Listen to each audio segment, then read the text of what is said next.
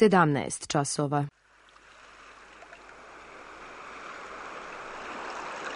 Radio Televizija Srbije. Radio Beograd 2.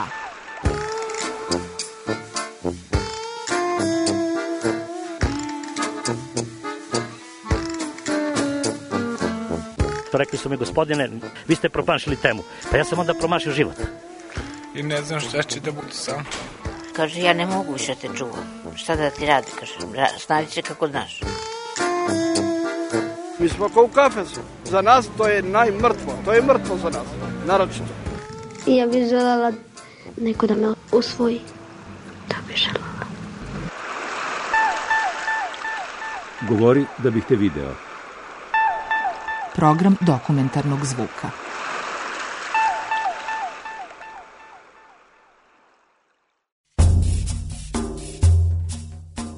od psihologa do tatu majstora.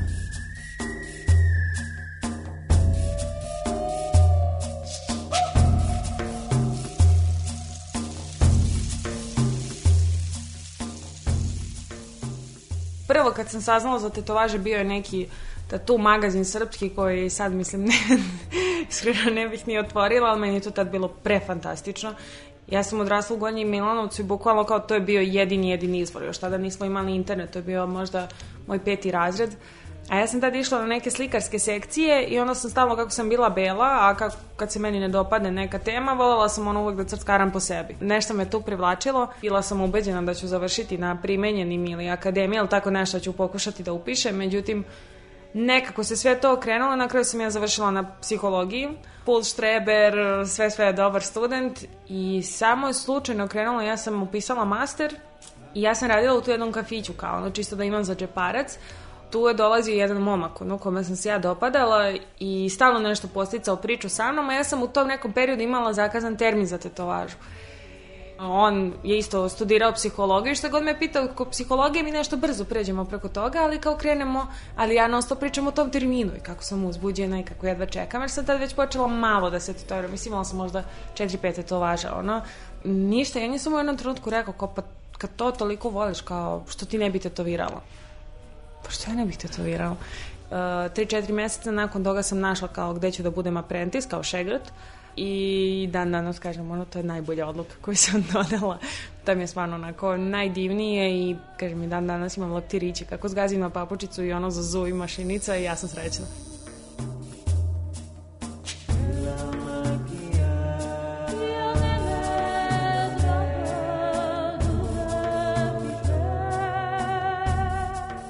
ja iskreno to ne razumem da postoji osoba koja tetovira i koja to iskreno voli, a da nema tetovaža. Ako nešto voliš iskreno, i ako si strastven prema tome, ka, kako možeš ono da, da to ne poželiš i sam sebi.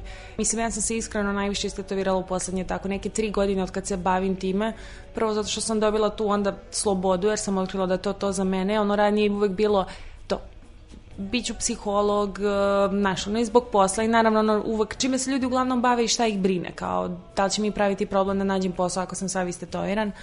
Kad sam ušla u taj svet i ono, i kasnije kad sam krenula da putujem, naprosto svuda upoznaš različite kolege i to kolege čiji ti se stil dopada i ono naprosto tako ono, razmenjujete to važe, ali sam baš ciljano jurila neke tatu majstore čiji mi se stil dopada, da ono, jer sam baš želala nešto njihovo na sebi. Nekako ja imam tu ideju da bih volala da imam neku vrstu kolekcije na svom telu od ljudi ono kojima se divim i koji dobro rade, tako da ne kažem da, da svako mora da bude ceo prekriven, ono, naravno da ne, ali ipak ja gledam koliko meni olakšava odnos sa mušterijama, recimo kad mi neko dođe i hoće da radi rebra. I onda ja tačno znam kakav je to osjećaj, tačno znam na što da ih pripremim. Ako mi neko dođe i kaže mi hoću prvu tetovažu na stomaku, ću mu reći nemoj to da radiš. Jer ja znam da je meni stomak bio jedan od bolnih tetovaža i kao naprosto nemoj sebi taj šok da dozvoljaš. Tako da mislim da to ima ono, tu neku dobru ulogu i u tom odnosu sa mušterijama i da znaš kako da ih pripremiš. Nekako tetoviranje nije klasičan posao. Ja to uvek kažem ono i to sam ono videla baš često kad čitam intervjue drugih nekih tatu majstora, ono na koje se ja ugledam, manje više tu postoji slično mišljenje. To je da ako želiš da se posvetiš ovome, posvećaš ceo život. I to je to. Znači, to bukvalno ne može, nije posao, nego ti bude ceo život. I onda meni, kažem, deo života, ono ko što volim da, da radim drugima tetovaže, tako i ja volim da se tetoviram i ja non stop crtam, slikam, non stop gledam tetovaži, nekako stvarno ti se ceo život vrti oko toga i onda ja kao da sad u ovom trenutku zamislim da ja non stop gledam tetovaže, crtam, slikam, tetoviram druge ljude i nemam skoro ništa na sebi, postoji mi tu neki ono potpuni nesklad, ono, mislim da tetoviranje ne može da se voli polovično. Ili ga voliš ili ga ne voliš i to je ako ga voliš, ono, to ti je ceo život. Ja kažem, ja nemam, ja nemam ono život van toga. Mene uvijek zezaju, ono kao stvarno ja nekako sam se samo o tome posvetila i, i sve mi se vrti oko toga. Mislim, naravno da imam i druga interesovanja, ali kao to mi je nekako ključno i to onda kao, valjda kako mene ono, vuče ta strast, e onda to, ono, volim da se okružujem ljudima koji su takvi, ono, po tom pitanju.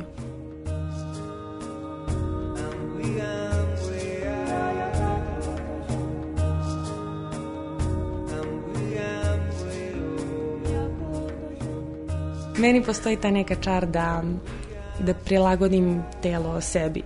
I, na primjer, ja sad kad gledam svoje slike bez tetovaža, u meni tu ništa nema smisla i ne sviđa mi se. Recimo, meni su najznačajnije tetovaže koje imam za sestru, mamu i tatu. Jako mi je lepo i emotivno da nekako mi je sve to uvek tu.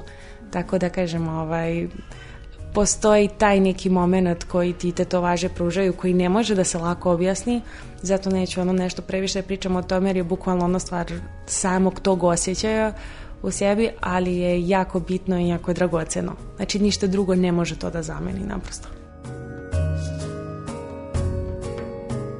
I jednom sam gledala jedan dokumentarac I da tu majstoru koji ima decu i ceo istetoviran i pitali su ga kao da li bi volao da tvoja deca budu istetovirana i on je rekao ne, I onda sad kao svi zgranuti zašto, kaže on, ja tek sada razumem svoje roditelje.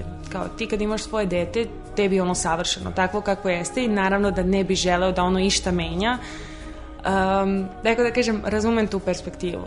Moji nisu bili fascinirani idejom, ja sam ih dugo, dugo molila da se tetoviram, to, jer uvek sam imala divan odnos sa roditeljima i stvarno oni su i mene i sestru puštali da radimo stvari koje oni ne vole. Znači, u srednjoj školi su nas oni vodili a, i mene i sestru da radimo prvi piercing, jer su bili u fazonu ono kao, dobra smo deca, dobri smo učenici, ne pravimo gluposti i nikad i ni ja ni sestra nikad nismo bila problematična. Ja sad i kažem, ja i sad živim ko penzionera u suštini, što je meni super. Ono, ja sam stvarno ono, dosta mirna i ne znam, verovatno sam ekspresivnije prirode, pa zato volim delom i tetovaže i oblačim se na način koji meni prija, ko što svi to rade. Zapravo tetovažu sam ih baš dugo molila i bilo je ne može, ne može, ne može, ne može. A kao nisam bila takva da radim krišom od njih. I ništa, ja sam čekala i sećam se baš jedno mama i tata su došli u Beograd. Ja i sestra smo ono na studijama bile tu, došli su u Beograd i ja sam non stop. Znači to je već bilo sad aktivno mogli, mogli, mogli, mogli i moj tata u jednom trenutku me samo pokao film, a onako sedeli smo u kolima i samo ovako zakočio i okrenuo se i rekao, radi šta hoćeš. I ništa, onda smo posle drugu tetovažu uradila ja i sestra kao zajedno. Onda su mama i tato prihvatili jer kao sestra smo, znaš, nam je to bilo drago, čak i mama kao htjela da ona plati tu tetovažu jer je bilo kao to. Sestra tad živela godinu dana u Švedskoj, bila smo malo onako udaljeni i onda njima to značilo kao ja i ona hoćemo nešto da imamo zajedničko blisko. I ništa, ja sam onda polako posle krenula. Uh, treća tetovaža je bila namenjena za tatu, pošto je moj tata preminula u tom nekom periodu i onda sam ja bukvalno dve nedelje nakon što se to desilo uradila tetovažu za njega, koja je meni bila izuzetno, da kažem, imala je to i neko malo ne terapeutsko dejstvo. I onda je moja mama tad prvi put shvatila da meni to nije samo hir, nego da mi znači i da me na neki način emotivno ispunjava. Međutim, opet je posle toga bio dug period da ona to prihvati. Mislim da smo ključni period imala kad sam uradila dlan, pošto je to bila prva tetovaža, da kažem da to na šakama. Jer se ona uvek potajno iskreno nadala da ću se ja vratiti psihologiji. I dosta je ono i prijatelja i to. I majka je bilo kao nemoj se glupirati. Svi su mislili da je to neki hir. I kažem, ali na primjer to, posle godinu dana, godinu i po dana sam ja radila taj dlan. I kad je moja mama videla moju, pošto nešto bila i neka slika sa dlanom, te sam se ja, no ja sam stvarno bila presrećena, onako s nekim osmehom, jer mene mama tad zvala i rekla mi, čak i na slici, nikad ti nisam videla širi osmeh, to je to.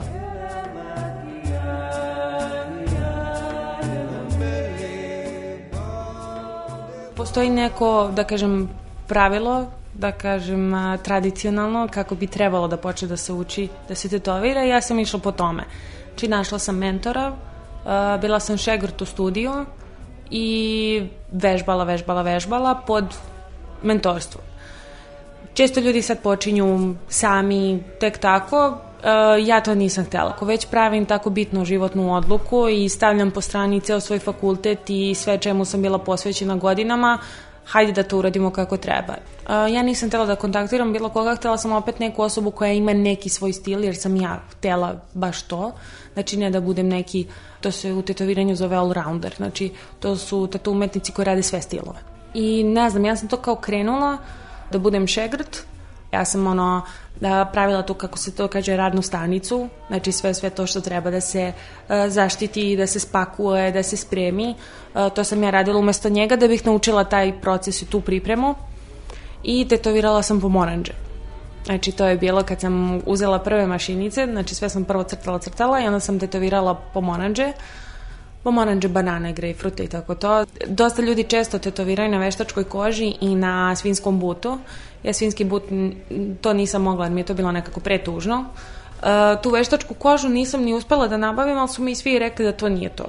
I ono sve što sam čitala po internetu, znači bilo je to grapefruit i pomoranđa, međutim to nisu stvari na kojima ti možeš da uvežbaš tetoviranje. To su stvari koje mogu da ti pomognu.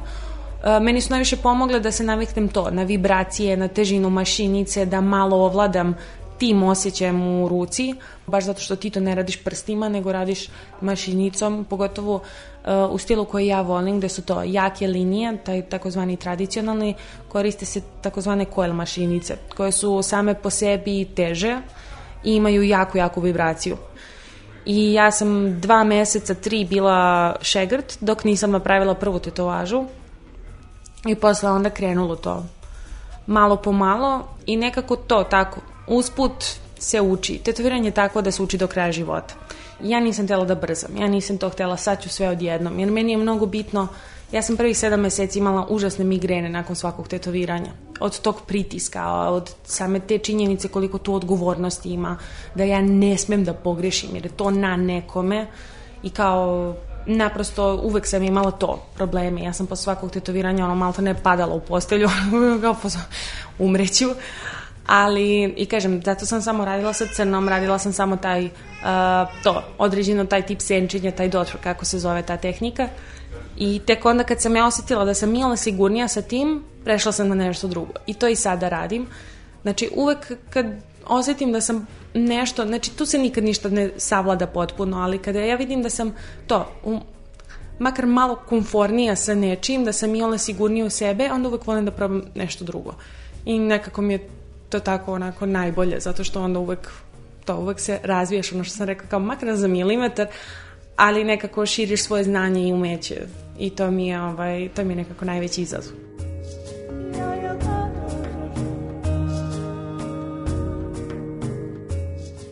Ja sam sebe dva puta tetovirala i nikad više. Uh, prvi put je bilo, znači to kad sam počinjala da tetoviram, da, da učim, i onda je bilo kao, ok, vreme da uradim prvu tetovažu na nekome. Prva tetovaža ne može da izgleda dobro i meni je već bio pritisak što radim prvu tetovažu, onda sam rekla kao, radit ću sebi Rekao, bilo šta da zeznem, najpoštenije da zeznem na sebi, nego ono da dodatno razmišljam da uništavam nekoga do kraja života. Znači, to nije dolazilo u obzir. I uradila sam to prvo i sad ta prva tetovaža, ja sam iskreno i ne sećam se, ni, ni, ni kakav je osjećaj bio, niti bilo šta, zato što sam ja to radila u potpuno nekom transu od sreće što počinjem. A se sjećam da sam onako ovaj, gegala posla do kuće koliko mene to bolalo jer je bilo na zglobu iznad noge ovaj, iznad stopala. Tad kad sam radila tu tetovažu bilo je ne, ne, ne, ne, ne. Boli, ja treba da se skoncentrišem i nisam lepo ubacila boju jer valjda ja, ja nisam mazohista, ja se ne tetoviram kao uh, uživam u bolu daleko od toga. No, no, naprosto ja to ok trpim, kao mozak me čuva. Ta, tako sam ja to tada objasnila, kao ja krenem da ubacim boju, ali naprosto ja idem pliće, zato što moj mozak nekako valjda ne dozvoljava da ja sebe da sad uslovno rečeno samo povređujem. Nekako tetoviranje nije samo tetoviranje, nije samo ta tetovaža koju ćeš ti posle ono nositi na sebi, nego naprosto i ceo taj ugođaj i celo to iskustvo i odnos od tatu majstorom i ne znam, nekako meni to treba da bude cela, cela priča. Ne bih voljela da se popunim uh, nekim svojim radovima kad postoji toliko divnih tatu majstora koje ono čiji bih važe obožavala da imam i onda kao daj čuvaj mesto imam još mesta na nogama i draže mi je to da kad putujem i kad upoznam super ljude da, da me oni tetoviraju. Jer kao što ja volim da meni ljudi dođu i da traže li moj, ono, nešto u okviru mog stila i da mi daju određenu slobodu, tako i ja volim da ljudi koji mene tetoviraju da im ja odem i da ih upravo to tražim zbog njihovog fazona i tražim nešto u tom okviru i da oni sebi onako daju sebi prostora.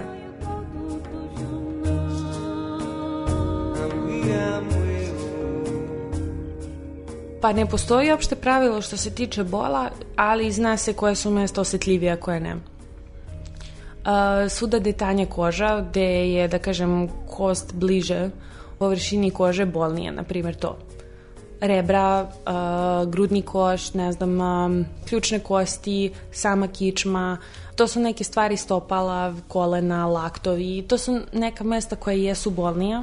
E sad, ne znam, meni je najbolniji iskreno bio dlan, ali dlan je specifična stvar zato što se radi potpuno na drugačiji način nego ostatak tela.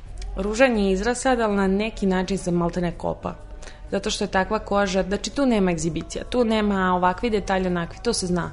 Devela linija, jednostavan dizajn i to mora baš neko da zna kako da ubaci boju, kako da radi sa tom kožom, inače samo izbaci sve. Ovaj, I baš zato što se radi tako grubo i duboko, boli. I naprosto dlan je takav da ima hrpu hrpu receptora za bol i za dodir, tako da naravno da to iskustvo onako malo wow. A nakon toga meni bilo mm, najbolniji sternum, znači to je deo između grudi i kičma ali bukvalno sama, sama kičma, bliže zadnjici. E, to su, da kažem, meni neki onako bolniji, ovaj, onako top 3 najbolniji, ali kažem u suštini ne znam, mislim da je mnogo veća dobit nego što je, ljudi se često najviše fokusiraju na taj proces, ali naprosto i to, kao ja ih uvek upozorim da je prvih par linija bolnija i onda kad koža se navikne malo, onda to bude mnogo, mnogo podnošljivije.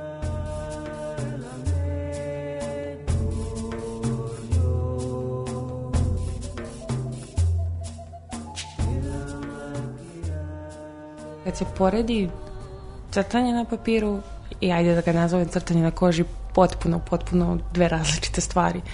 Tehnički gledano uh, su dva sveta. Naprosto kad se tetovira tu se koriste mašinice koje imaju određenu težinu, određene vibracije sa kojima treba ovladati da bi se postigla ta preciznost i ona ioleta neka lakoća pokreta, čiste linije i naravno svaka koža drugačija neka koža je previše elastična, previše suva, previše ovakva, previše onakva. Neku kožu savršeno ulazi pigment u neku dosta teže mm, ljudi i pritom ono papir je potpuno pod vašom kontrolom ljudi nisu to ima recimo kad se tetoviraju noge često rade refleksi pa se ljudima cimaju noge i onda ja moram da budem pet puta obazrivija, pažljivija da to ne bi, on ne znam da njima odskoči noga a ja sam na pola neke duge duge linije i onda da se tu da ne nastane neka greška, da slučajno njih ne povredim, jer ono kad se nekom je trza noga, kod meni igla tu, ono, oni mogu bukvalno da se nabodu. Tako da se to dobro je, to mi se nije dešavalo zato što sam druga tetovaža koju sam radila, sam radila na sestri koji su strašno radili refleks i onda sam se spremila da, to, da se to dešava i da se ide jako polako, obazrivo, pažljivo i to nikad se ne zna ono, meni bude jako teško kad neko teže podnosi pa ga boli i onda se trudim opet tu da budem što nežnija, tako da naprosto drugačije i mnogo veća odgovornost naravno. Na papiru ja ako zeznem, zgužvam papir, nastavim na drugom, ovde ne, nema toga. Meni je lično neke stvari i, i lakše da uradim na koži, recimo taj dotwork E, znači, to je izraz za taj stil tetoviranja, to je to tačkasto senčenje. Na primjer, meni je mnogo lakše da njega radim na koži nego na papiru. Zato što je mnogo su igle delikatnije i na koži mogu da se prave ti neki prelepi, prelepi prelazi koja je malo teže na papiru i nekako to ide brže. E, postoji ta izvesna čar da da istetoviraš kožu i da to nešto uvek nosiš sa sobom ti neko može da oslika milion slika. Ja stvarno i dosta i crtam slikam i sve, kao imam ja sve to, ali potpuno je drugačija stvar kad ti to nosiš na sebi i kad znaš da je sa tobom stalno i da je to nekako potpuno, potpuno deo, deo tvog postojanja.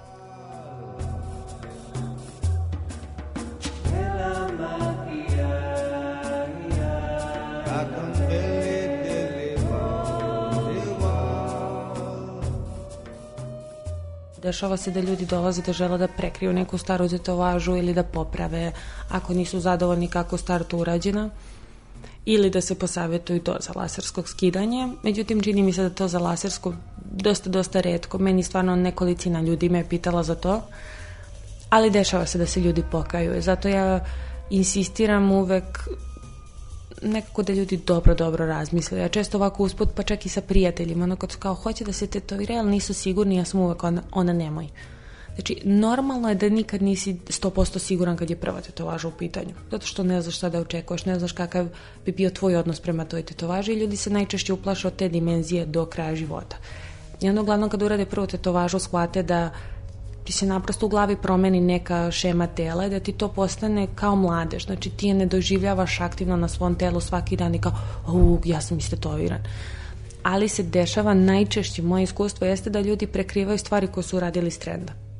Znači, ja to se uvek zezam i kažem, kad je Rijana uradila zvezdice, pola sveta uradilo zvezdice, onda bi sad svi da prekrivaju te zvezdice. Uh, i to su nepromišljene tetovaže. Znači, tetovaže koje se uradi, eto, čisto da bih bio istetoviran, su tetovaže koje mogu da se smuče. E, normalno je da neko uzbuđenje oko neke tetovaže, kako čovek što stariji da prođe. Naprimjer, moja prva tetovaža je, kažem, to je bio stih iz jedne pesme koja je meni tad značila najviše na svetu. Meni to je bilo nešto najbolje ikad i bila sam kao to je nešto što ja želim do kraja života. Uh, I, na primer, meni ta tetovaža i dalje vrlo draga. Nemam više toliko uzbuđenje, nije to više to, to za mene kao najsavršenije nešto, ali naprosto to sam ja od pre nekoliko godina i kao što niko ne može da izbriše neke stvari iz prošlosti, tako i ovo u redu.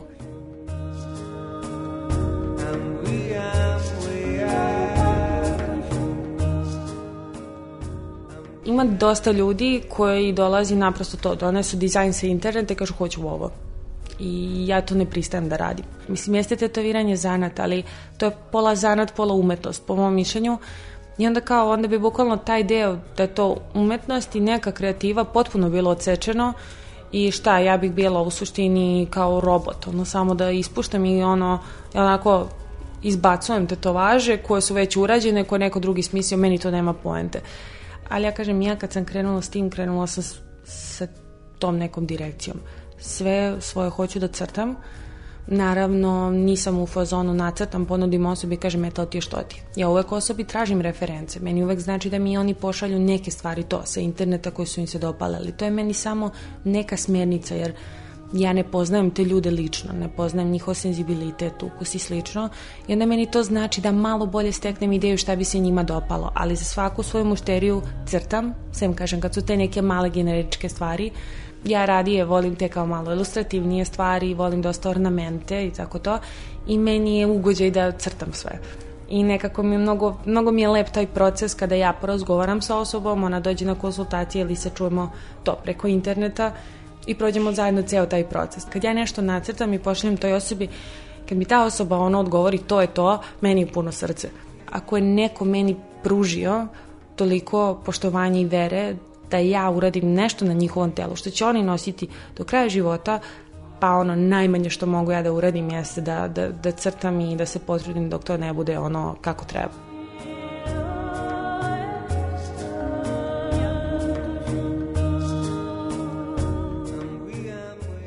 je takozvani flashbook. Uh, sami tattoo dizajnovi se nazivaju tattoo fleševi.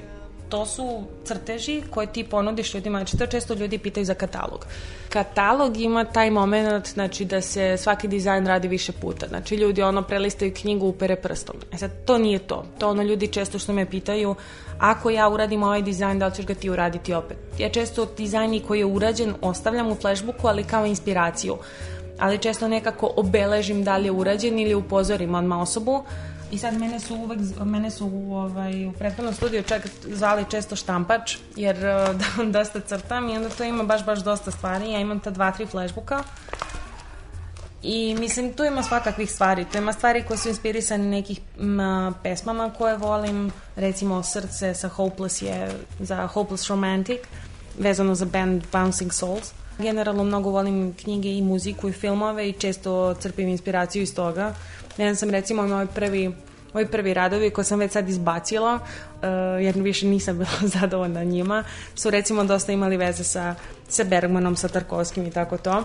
I, a su bili nekako dosta, dosta uski dizajnovi u smislu, samo su ljudi, redko su ljudi prepoznavali šta je šta. Uh, da, to su makaze, ovaj, baš, baš stare, E, u obliku rode. I to mi je baš jedan zapravo od dražih fleševa i to bi trebalo da uradim sada u aprilu. Jedna devojka ga je rezervisala. E, to su zapravo makazi bile za sečenje pupčane vrpce ranije na porođajima, ali sam ih ja najpre crtala zato što imaju jako, jako lep taj oblik izgledu u obliku rode.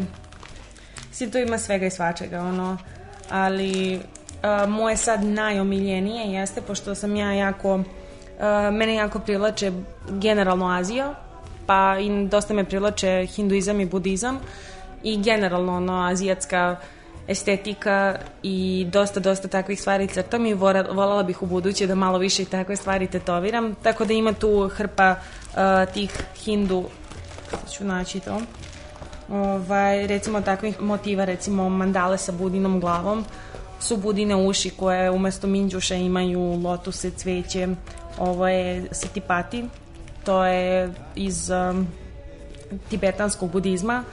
To je zapravo oni imaju ceremoniju kao smrt i to su ovaj, neki kao predstavnici za ples mrtvih. Onda ono, korejski tigrovi, ne znam, nikad ne znam šta, šta može da te inspiriše. Znači, da li je to, recimo, meni najomiljeniji slikar Bosch od uvek i, mislim, ja radim, moj stil je potpuno drugačiji od njegovog, ali uvek se tu u njegovim slikama nasuti nešto što nikad ne znaš gde će te to odvesti. Možeš da vidiš jednu stvar i onda tok misli da te odvede u totalno druge krajeve, ali moraš da imaš taj neki ono inspirativni, samo onako okidač. Tako da kažem, ono ja stvarno dosta, dosta crtam, ja stalno izbacujem dizajnove i ubacujem nove, tako da tu ima gomila, gomila stvari. I to ljudi uglavnom tu kad dođu onako prelistaju pa im bude zanimljivo, interesantno.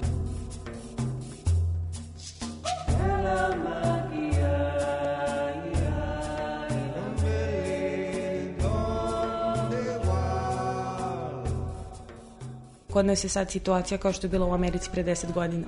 Kod njih su tetovaže svakodnevna stvar.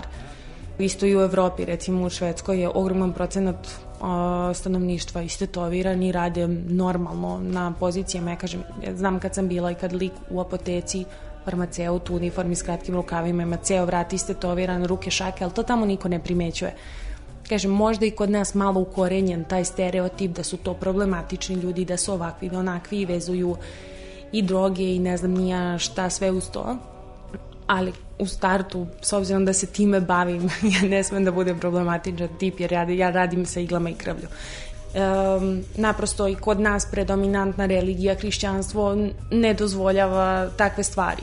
To se negde shvata kao skrnavljanje tela, ali po mom mišljenju ne bi trebalo. Ja verujem da na kraju dana svako ima pravo da radi sa svojim telom šta god želi. Dokle god to ne ugrožava nečiji život ne vređa nikoga direktno, ne, ne može da naudi. Ja sam imala ovde momente na ulicama gde ljudi vidim da me gledaju tako i da me odmeravaju da su uvređeni mojim izgledom.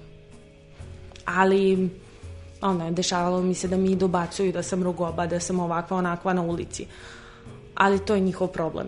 Naravno, mene to negde pecne. Nije mi sve jedno zato što generalno mislim da ljudi nemaju pravo da komentarišu tuđi život tek tako, ali kažem, verujem da će se i to vremeno menjati, samo što je to dug proces, to mora da bude neki talas promene mentaliteta, ali to, to je proces, to je ono već, da kažem, evolucija.